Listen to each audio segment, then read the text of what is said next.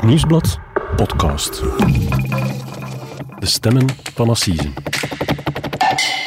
Hallo, mijn naam is Pieter Huibrechts, misdaadjournalist bij het Nieuwsblad. En ik ben Cedric Lagast, journalist bij diezelfde krant. En dit is onze podcast Stemmen van Assise, waarbij we voor elk belangrijk proces in een zaak duiken en u meenemen achter de schermen van de rechtszaal. En dit keer keren we terug naar een assiseproces uit 1993. Een van de hoofdbeklaagden, ex-topgangster Philippe Lacroix, werd toen tot de doodstraf veroordeeld. Vandaag leeft de man een compleet ander leven.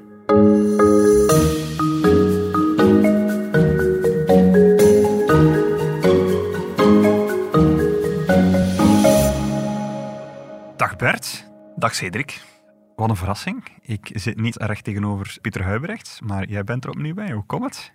Wel, uh, vanmorgen uh, een berichtje gehad van Pieter dat zijn baby helaas ziek is. En Ai. je kent onze vrouwen en kinderen eerst, dus uh, dat gaat voor. Dat Vandaar. is een, een nobel, dat is een nobel doel in je leven. Super, maar het wordt zeker even tof als anders, denk ik. Ik hoop het, ik hoop het. Uh, maar we gaan het ook over een interessant verhaal hebben.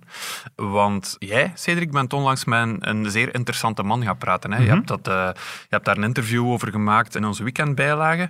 Het stond ook op onze website en het was een heel intrigerend gesprek met deze man. J'ai encore des histoires comme ça où je me dis, merde, j'ai fait beaucoup de mal. Au-delà de beaucoup de mal à la personne que j'ai traumatisée ou tuée, il y a tout le mal autour. Je veux dire aux enfants, aux frères, aux sœurs, au père, à la mère. Vous comprenez cette tristesse-là Goed, Cedric, wie horen we hier? Dat is eh, Philippe Lacroix, hè. Ah, 60 jaar ondertussen. Dat is een naam als een klok. Een naam die bij heel veel mensen een, een, een bel zal doen rinkelen. Eh, in de jaren 80 en 90 was dat eh, eh, een topgangster. Hè. Hij Ja. stond stevast in de, in de krantenkolommen. Ja, dat overvallen en, en, en, en bankraken die hij heeft gepleegd. ja, ik kan me dat herinneren. Ik was zelf een jaar of 12, 13, denk ik, toen die, die gangsters altijd maar opnieuw in het nieuws kwamen. Hè. Je had zo'n aantal grote namen, Patrick Hamers, Philippe Lacroix. Ehm, En, en iedereen wist wie dat was, maar ze konden, ze konden gewoon niet geklist worden. Ze konden gewoon niet gepakt worden. Die waren vogelvrij, maar niemand kon ze vinden. ja, ja, de wilde jaren 90. Maar vandaag, dus hij heeft...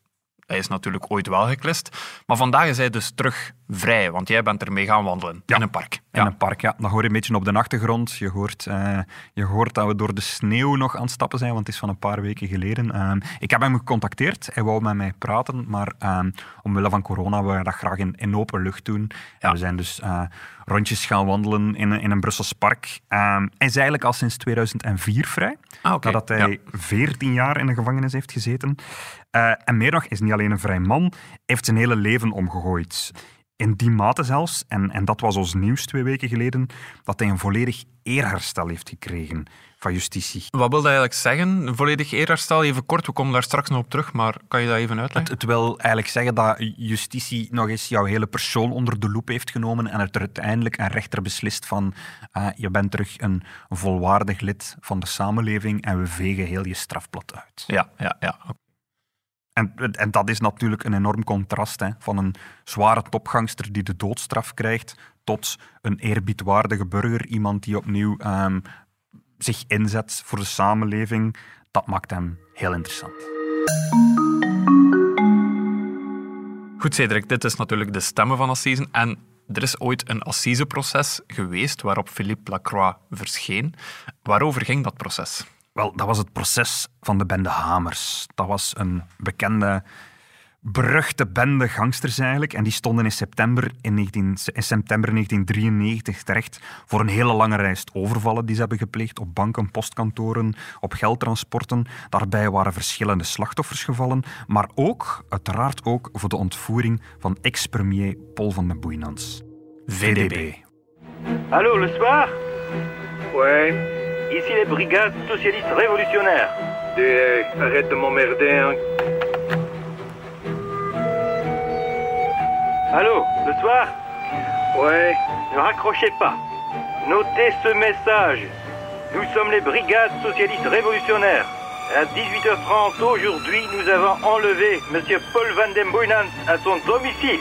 Et on- Ouais. Et moi, je suis la reine d'Angleterre et je vais faire sauter le soldat inconnu.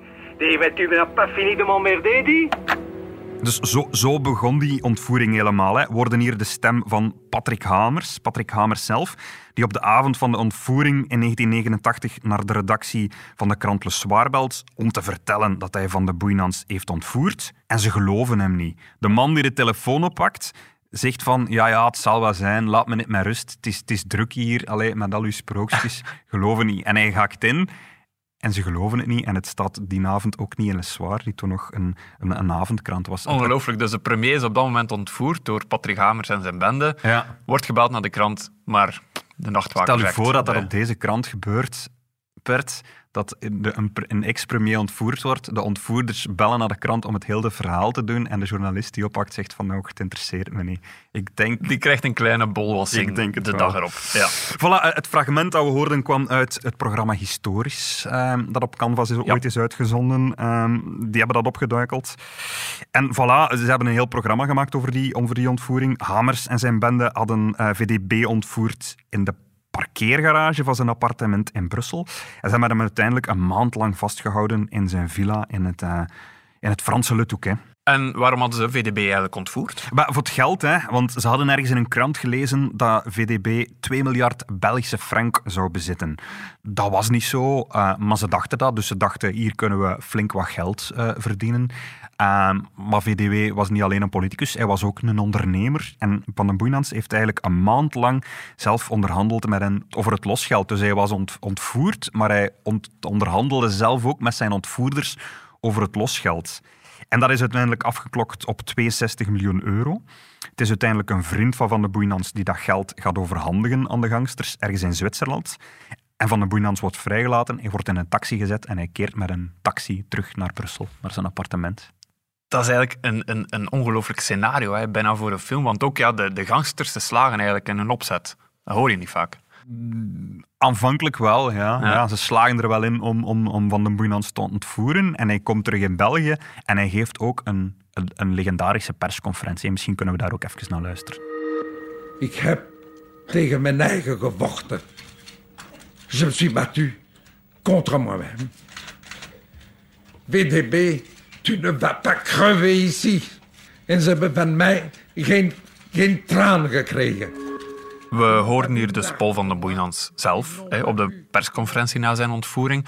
Nu, ehm, je spreekt daarnet van Hamers, dat was de leider van de bende. Kennen we eigenlijk de rol van Lacroix op dat moment? Eh, Lacroix was ook een van de ontvoerders. Hij was er ook bij op het moment dat Van den Boeinans uit, uit de garage werd gekidnapt eigenlijk.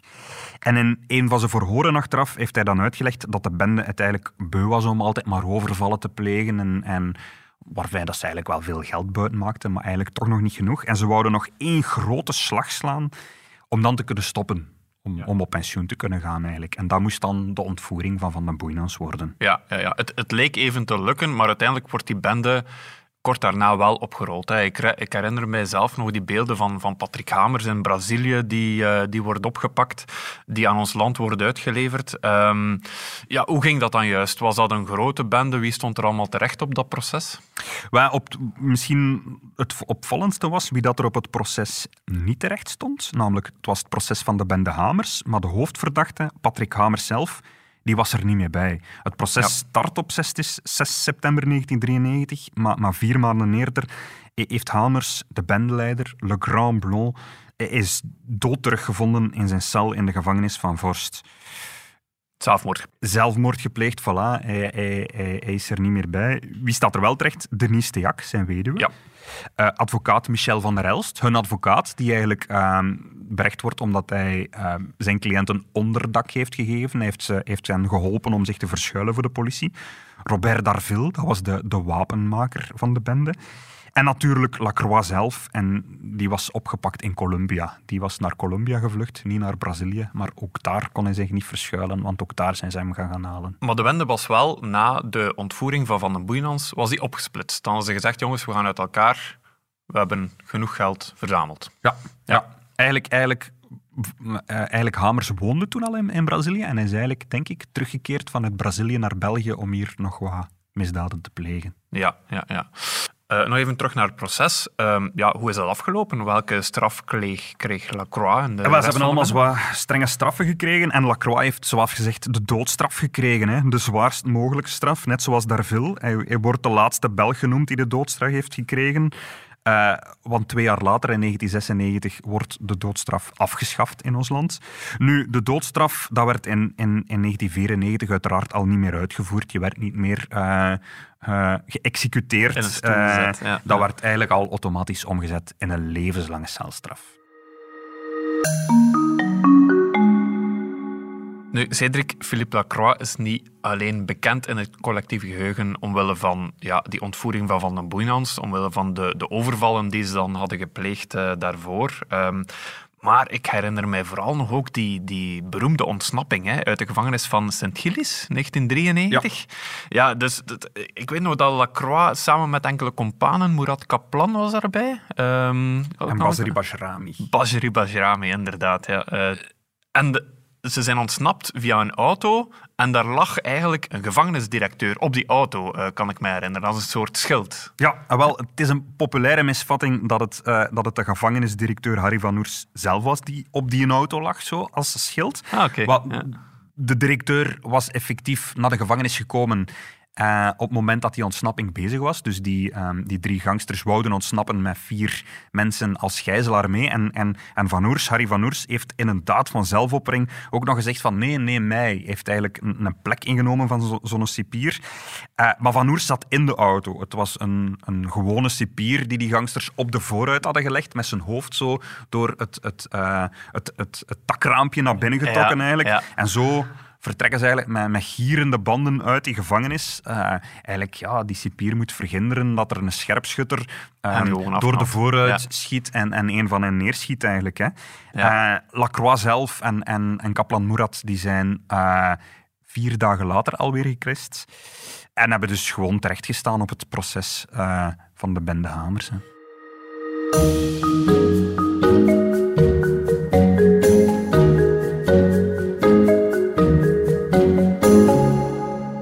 Goed, Cedric, ons geheugen is opgefrist. Um, Philippe Lacroix, topgangster in de jaren 90, verantwoordelijk voor enkele van die legendarische uh, misdaden destijds.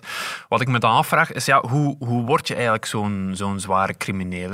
Um, uh, ligt dat dan aan de jeugd, aan, aan, aan bepaalde fases in je leven? Heeft hij daar iets over verteld tijdens jouw interview? Ja, eigenlijk wel. Ik heb het hem gevraagd en ja, hij heeft in een heel betrekkelijk gewoon gezin opgegroeid eigenlijk. Zijn, zijn vader was vertegenwoordiger. Hij, hij is opgegroeid in, in Brussel, in de Brusselse gemeente Sint-Lambrechts-Woluwe. Hij is daar naar school gegaan. Hij deed het wel niet zo supergoed op de middelbare school eigenlijk. Hij liet het een beetje hangen, zoals ze dan zeggen. In die mate dat um, zijn vader heeft als vertegenwoordiger ook een poosje in Italië gewoond en zijn moeder heeft hem een, een tijdje naar Italië gestuurd in de hoop dat het daar beter zou gaan. Maar hij heeft uiteindelijk zijn middelbare diploma niet behaald. Hij is als 19-jarige terug naar Brussel gekomen. Hij had geen diploma, geen werk, maar wel veel zelfvertrouwen. Want hij had de wereld gezien, hij was in Italië geweest. En hij heeft op dat moment slechte vrienden leren kennen. Allee, zo legt hij het zelf uit. J'ai rencontré des gens, des jeunes ici du quartier qui, euh, comme moi, étaient, étaient euh, à la recherche d'eux et qui étaient un peu délinquants. Et c'était les frères Hamers. Non Pas encore Non, pas encore. C'était les, les, petites bandes de quartier, les frères Hammers. C'était dans la même période, hein? mais un petit peu plus tard. Oké, okay, dus Philippe Lacroix is op dat moment een, een, um, ja, een twintiger, maar hij komt niet direct met Patrick Hamers in contact. Hij rolt een beetje in het, in het kleine misdadenmilieu. Ja, het waren volgens Lacroix eerst andere vrienden die, die hem op het slachtpad brachten, die, die hem meenamen toen ze auto's en brommers gingen stelen, bijvoorbeeld. Hè. En hij heeft Hamers pas leren kennen toen dat hij een auto stal en die aan Hamers doorverkocht. Hamers had die auto nodig om bij een overval te gebruiken. En hij deed dat ook. En, en Lacroix zag dat en hij dacht bij zichzelf, dat kan ik ook. En hij is dan gewoon van de ene dag op de andere ook begonnen met postkantoren te overvallen. En nog later is hij dan met Hamers beginnen samenwerken. En toen was de legendarische bende Hamers geboren. Ja, ja, ja. dus dat is allemaal vrij, vrij ja, natuurlijk ontstaan. Zo. Dat is niet dat die mannen een groot plan hadden. Of waarom pleegden ze eigenlijk die overvallen? Nee, afhankelijk uit verveling, zegt hij. Ze zochten risico's, ze wilden een beetje anders zijn. Uh, maar uiteindelijk werd, ging het wel om de centen natuurlijk. Hè. Uiteindelijk ging het wel om geld, want ze hadden heel snel een heel riante levensstijl. Ze hadden snelle auto's, ze kochten dure huizen ook voor zichzelf. Ze, hadden, ze gingen veel uit, ze waren eigenlijk nog maar begin de twintig, maar ze lieten het geld goed rollen en ze hadden dat geld nodig. En, en daarvoor gingen ze telkens opnieuw overvallen plegen. Ja. Nu, al die overvallen hebben natuurlijk ook levens gekost aan verschillende mensen. Ja, er zijn veel slachtoffers gemaakt. Lacroix is door Assise veroordeeld voor de dood van de 23-jarige Ronnie Kroes. Dat was een, eh, een geldcourier die stierf bij een overval op een gewapend geldtransport in Groot-Bijaarden. Dat was trouwens een overval die ze pleegden op het moment dat Van den Boeinans gevangen zat. In dus Frankrijk. voilà, ze keerden terug naar België om, om een overval te plegen, omdat ze op dat moment snel wat, snel wat geld, nodig hadden eigenlijk. Ja, Maar er zijn nog slachtoffers gevallen. Hè, en, en, het gaat dan niet alleen over dodelijke slachtoffers, er zijn ook mensen gewond geraakt. Er is bijvoorbeeld een rijkswachter die een kogel in zijn been heeft gekregen.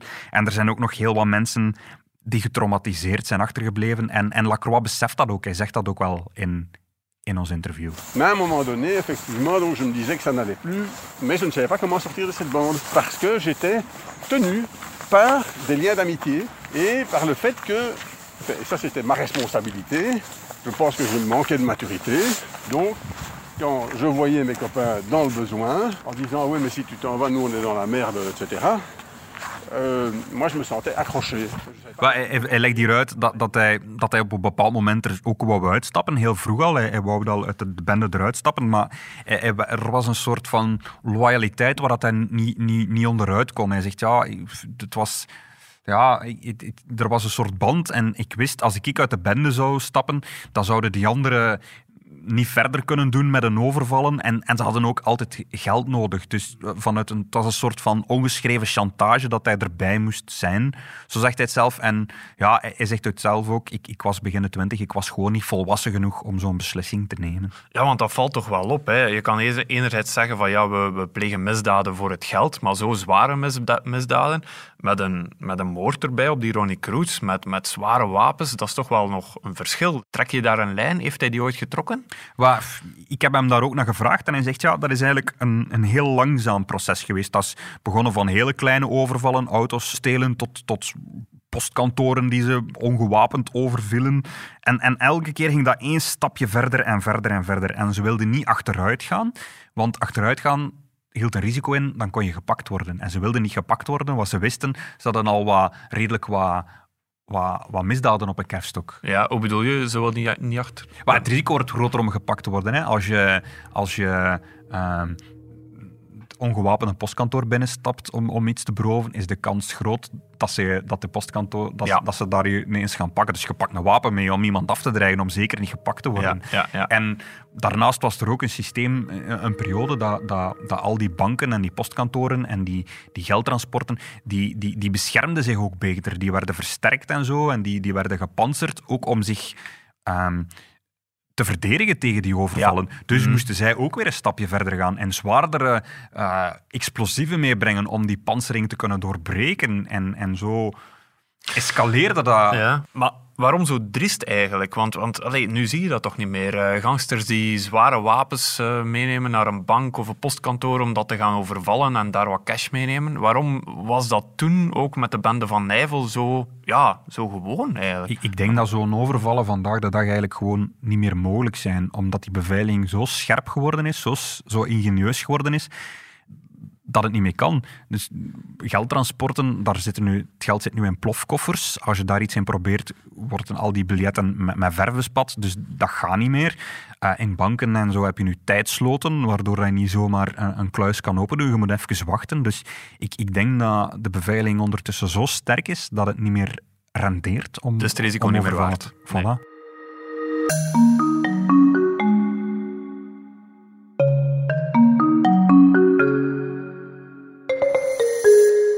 Oké, Cedric, de reden waarom Philippe Lacroix bij ons in de krant stond en ook waarom dat we nu die podcast maken, is natuurlijk omwille van het vervolg. Hij is topgangster geweest, heeft een proces gehad, veroordeeld tot de doodstraf, maar daarna heeft hij zijn leven eigenlijk op een zeer spectaculaire manier omgegooid. Hij heeft echt zijn leven gebeterd. Hij Ja. is niet alleen een brave burger geworden, maar hij heeft ook nog een universitair diploma gehaald en hij werkt nu als Ja. leerkracht. Dat klopt. En, en die ommekeer die is er eigenlijk al in de gevangenis gekomen. Hè. Hij heeft daar gebroken met zijn verleden. Hij heeft daar beslist van, ik, ik stop ermee, ik, ik wil geen gangster niet meer zijn. En er zijn een aantal mensen die hem op het rechte pad hebben gebracht, zegt hij. Onder meer een gerechtspsychiater die hem heeft aangemoedigd om zijn diploma te behalen en om zich in te schrijven aan de universiteit ook. Dat kan zomaar in de gevangenis? Ehm, ja, ja, hij heeft natuurlijk eh, eh, aan de universiteit les gevolgd. hè. Ik geloof dat hij uiteindelijk één keer per week de gevangenis mocht verlaten om lessen te volgen aan de universiteit. En wat heeft hij dan gestudeerd? Eh, Germaanse filologie, eigenlijk Nederlands en Engels eigenlijk. Hij was goed in talen. Est-ce qu'il y a un, un moment qui a donné de clic, devenir un, un homme honnête, quoi Il y a plusieurs clics, mais bon, le vrai clic, c'est qu'à un moment donné, j'ai cru que j'étais foutu quand j'ai été condamné à mort. Et quand bon, j'ai été arrêté, j'avais plus d'espoir. Et puis je me suis, grâce aux études, en prison, et grâce à la bienveillance de certaines personnes, grâce à tout ça, je me suis dit à un moment donné, tiens, c'est vrai que c'est possible. Nu, Lacroix is niet alleen beginnen studeren. Hij heeft eigenlijk meer gedaan. Hij is daarna ook gewoon leerkracht geworden. Ja. Eh, leerkracht Nederlands-Engels. Nu, wel verbazingwekkend, want ja, hij heeft natuurlijk zijn verleden. Eh, was dat niet moeilijk om, om, om dan echt die job te vinden en aan, in een school aan de slag te gaan? Ja, eigenlijk wel. Ehm, hij geeft les aan volwassenen, voor alle duidelijkheid. Ja. Aan minderjarigen, dat mag niet. En ehm, hij heeft daarvoor een uitzondering moeten krijgen van, van, de, van de Franstalige minister van Onderwijs in der tijd. Eh, Ja. Inderdaad, omdat hij een strafblad had. Maar die hebben zijn dossier bestudeerd en geoordeeld van ja, we moeten die man een kans geven. Het was wel onder de uittrekkelijke voorwaarde dat hij niet aan minderjarigen zou lesgeven. Dus hij geeft nu Engelse les aan volwassenen. Ehm, en dat is al 14 jaar zo, denk ik. Dus Ja. ja, ja. Kunnen we ervan uitgaan dat iedereen een tweede kans moet krijgen op basis van het levensverhaal van Philippe Lacroix? Maar Lacroix zelf zegt, er is eigenlijk maar een hele kleine minderheid onder de mensen die hij in de gevangenis zelf heeft ontmoet, die eigenlijk bewust voor criminaliteit gekozen hebben. Er zijn, Ah. er zijn maar een heel klein deel daarvan die, die zeggen van, ik wil crimineel zijn, ik wil misdadiger zijn, ik ga zo mijn brood verdienen. Eens gangster, altijd gangster. Voilà, de Ja. meerderheid zijn mensen die, die inderdaad foute dingen gedaan hebben en in de gevangenis zitten, eh, maar die daarin gerold zijn, die door omstandigheden in een situatie gekomen zijn eh, waarin dat ze misdaden plegen en eigenlijk niet weten hoe dat zij uit die situatie moeten komen. En hij zegt zelf in het interview dat justitie veel meer zou kunnen doen om die, die grote groep te helpen om terug op het rechte pad te komen. En, en hoe zouden ze dat dan kunnen doen, concreet? Waar eerst en vooral, zegt hij, moeten die gevangenen zelf een beetje tot inkeer komen en beseffen waarom dat ze daar zitten en waar dat het, het is fout gelopen in hun, in hun leven. En hij zegt, ik heb die analyse zelf bij mezelf moeten doen, een zelfanalyse, maar justitie zou veel meer moeten inzetten eh, op sociale assistenten bijvoorbeeld, op psychologen, om mensen te begeleiden, om mensen te doen inzien wat er allemaal is fout gelopen. Effectief En- en- veel en- meer gesprekken in de gevangenissen zelf. Eh, Voilà, niet gewoon, en, uit. doelgerichte Ja. gevangenissen. Hè? Niet Ja. gewoon mensen daar vastzitten in, in de gevangenis op, op water en brood, bij wijze van spreken, en wachten tot de tijd erop zit, want dan hervallen die gewoon in Ja. criminaliteit. En ten tweede, opleidingen, zodanig dat ze kunnen werken als ze vrijkomen, zoals dat hij gedaan heeft. Want als je een werk hebt, als je een vaste job hebt, als je een inkomen hebt, dan is de noodzaak om in criminaliteit te stappen veel kleiner eigenlijk. En je moet eigenlijk de middelen hebben om je staande te houden in de samenleving. Ja. En, en met een inkomen, met werk, met een, een vaste dagindeling, is dat, is dat, veel, is dat veel, veel makkelijker. En, en je moet dat, we mogen dat ook niet onderschatten blijkbaar, maar volgens hem is een groot deel van de mensen die in de gevangenis zitten nog gewoon analfabeet. Dus die Ah, is het waar? ja, Ah, oké. kunnen blijkbaar niet eens leven als jij. Straf. Mais il faut en être responsable et il faut pouvoir assumer. Il y a un après. On n'est pas réduit à l'acte qu'on a commis. On n'est pas réduit à l'acte commis, zegt hij hier. Eh, eh, een mens is niet beperkt tot de daden die hij heeft gedaan. Hè. Het is niet omdat je een bepaalde misdaad hebt gepleegd dat dat alles over je zegt. Voilà, on l'a commis, ça peut être odieux. Et après, il faut payer ses dettes. Heeft hij spijt eigenlijk over die actecommis? Ja, absoluut. dat het allereerste fragment dat we eh, hebben gehoord, helemaal aan het begin van, van deze podcast, zegt hij dat ook, hè, dat, hij, dat hij beseft dat hij vreselijke dingen gedaan heeft, ehm, dat hij heel veel leed heeft berokkend aan veel mensen, eh, dat hij dat nu vooral beseft nu hij wat ouder is, nu dat hij zelf kinderen heeft en, en bezorgd is om zijn kinderen, eh, wat, er, wat zijn kinderen kan overkomen. Ja. Ehm, absoluut. Zo iemand is natuurlijk wel interessant om ook jongeren te verhinderen om op het slechte pad te, te geraken. Hè. Die kan waarschijnlijk wel zich veel meer inleven in situaties van jongeren die eigenlijk meemaken wat hij destijds op 19, 20-jarige leeftijd Ja. heeft meegemaakt. Speelt hij daar nog een rol in? Ja, hij doet dat ook. Ja? Ja. Hij, hij gaat vaak spreken in scholen met tieners, met jongeren. Ehm, zijn boodschap is dan dat het nooit te laat is om je leven om te gooien. Als je stommiteiten hebt begaan, moet je je verantwoordelijkheid nemen, zegt hem. Maar je kan daarna nog iets maken van, van je leven. Hij is zelfs het beste voorbeeld, legt hij uit. Zelfs na de grootste misdaden hoef je iemand niet in de vergeetput te dumpen. Daar kan, daar kan nog altijd eh, een waardevolle mens uit, uit, uitkomen. Want soms willen mensen dat gevangenissen net dat zijn, hè, vergeetputten waar niemand nog uit mag komen. Ehm, hij wijst erop dat er toch nog iets goed van een crimineel kan komen.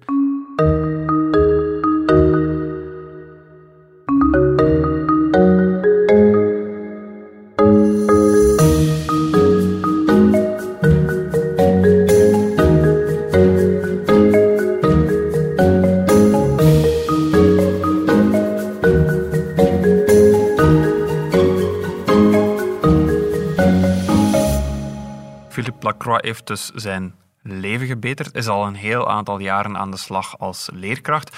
Maar recent heeft hij dus ook eerherstel gekregen, zoals je al zei in het begin van deze podcast. Wat is dat eigenlijk? Is dat iets symbolisch of heeft dat toch nog belangrijke waarde voor hem? Ehm, voor hem heeft het zeker veel waarde en dat is eigenlijk een heel weloverwogen stap van justitie. Het gebeurt door een rechterlijke uitspraak, met name de Kamer van Inbeschuldigingsstelling die moet die beslissing nemen. En dat betekent eigenlijk dus dat je strafblad wordt uitgewist en dat je al je rechten terugkrijgt. Je, je zonden worden vergeven, zeg maar. Op zijn strafblad staat nu niet meer dat hij die, dat hij die misdaden heeft gepleegd in de jaren 90. Nee, dat is verdwenen. Hij Straf. heeft terug een, een Ja. blanco strafblad. Ehm, dat kan niet zomaar. Daar zijn een hele reeks voorwaarden aan gekoppeld. Je moet eerst en vooral je straf hebben uitgezeten. Of in zijn geval voldaan hebben aan je straf. Want hij is natuurlijk, heeft geen levenslange celstraf uitgezeten. Ja, ja, Eh, je moet je schulden en je slachtoffers vergoed hebben. En je moet tot tien jaar een proefperiode uitzetten. Dus als je vrijkomt, moet je nog eerst eh, een proefperiode tot tien jaar gewoon leven om te bewijzen van kijk, ik kan het, ik, ik ben, Ik ben op het rechte pad. Ja, ik ja. doe geen nieuwe, ik pleeg geen nieuwe misdaden eigenlijk niet meer. En dan, ehm, als je daaraan voldoet, op het, het gerecht eigenlijk een onderzoek naar jou, dan lichten ze je nog eens door. Kijk eens eens van, is die mens eigenlijk wel op het rechte pad? Want Ja. stel dat er toch nog een rechtelijk onderzoek naar je zou lopen, wees, waarom dat je van het een aan het ander verdacht wordt, dan is het onmiddellijk boeken toe. Dat kan een aantal jaren duren. En uiteindelijk, op basis van dat advies, neemt een rechter een beslissing. ehm, krijg je eerherstel of niet? Ja, nu, dat is eigenlijk een, op, een opvallende regel, hè, want zeker bij zo'n zware misdaden kan je toch zeggen van ja, je hebt die toch gepleegd. Het is toch logisch dat dat op je strafblad blijft staan. Eh, waarom, waarom bestaat deze regel? Wel, eigenlijk omdat een strafblad best lastig kan zijn in, in, in je leven. Het, het is moeilijk bijvoorbeeld om, om, bepaald, om bepaald werk te vinden. Bij Lacroix was dat zo. Als leerkracht eh, kon, hij, kon hij niet zomaar eh, overal waar hij wou leerkracht worden. En justitie vindt eigenlijk dat niet iedereen zijn hele leven achtervolgd moet blijven worden door een misstap uit het verleden. Ja. Eh, iemand die één keer een zware fout gemaakt heeft en veroordeeld wordt, die moet daarom niet zijn hele leven daarvoor gehypo- gehypothekeerd zijn. Maar iemand die eerst de doodstraf krijgt, zoals Lacroix, en uiteindelijk eerherstel, dat lijkt me toch vrij uitzonderlijk. Het is een grote spagaat, zo noemt Lacroix dat zelf, le Ja. grand écart. Ik heb naar cijfers gezocht en bijvoorbeeld in 2019 zijn er 1311 veroordeelden die eerherstel hebben aangevraagd. Ja, toch? Ja, Dat, zijn meestal kleinere misdaden, misdrijven. Dat zijn ja, mensen die ooit eens eh, een diefstal hebben gepleegd of Ja. betrapt zijn bij, bij wat kleinere dingen. Dat zijn niet allemaal mensen natuurlijk die, die moorden hebben gepleegd.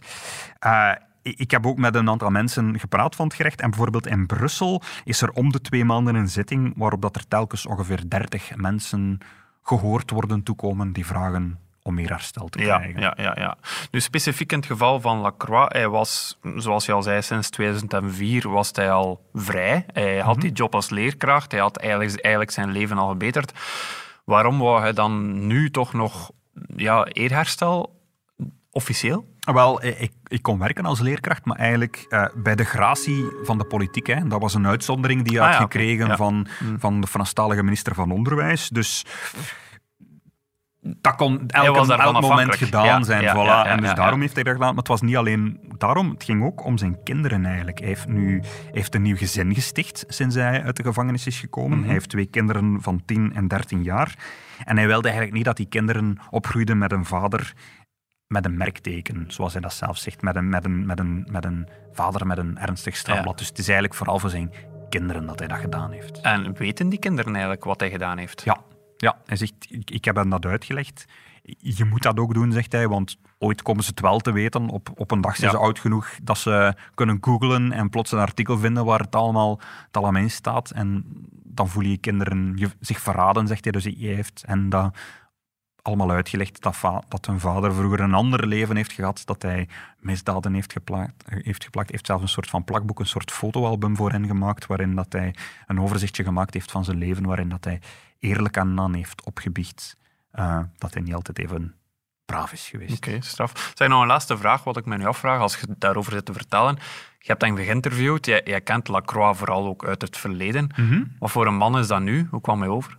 Ehm, eh, wel, ik, ik, ik, ik denk, moest je hem gewoon tegenkomen in de winkel en, en, en zijn naam niet weten, dat je het nooit zou doorhebben dat, het, dat, dat, hij, dat hij die man is die ooit zo'n misdaden heeft gepleegd. Hij, Ja. hij, hij, hij komt echt over als een leerkracht eigenlijk. Hij, heeft een, een, ja, een zachte, diepe stem ook. Ik heb die fragmentjes al een beetje gehoord. En hij spreekt eigenlijk veel meer met, met, een, met de stem van een leerkracht. In mijn artikel heb ik het gezegd, het is ooit iemand die wapens trok en tegen je Ja. hoofd zette en, en zei van je geld of je leven. En wel, dat gevoel heb je niet als je, als je naast hem loopt.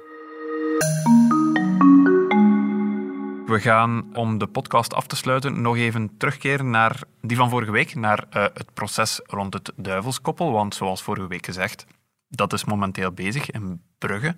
Ja. Het proces tegen Jean-Claude Lacote en Hilde van Akker. Ja. Eh, onze collega Mark Cliffman is daar.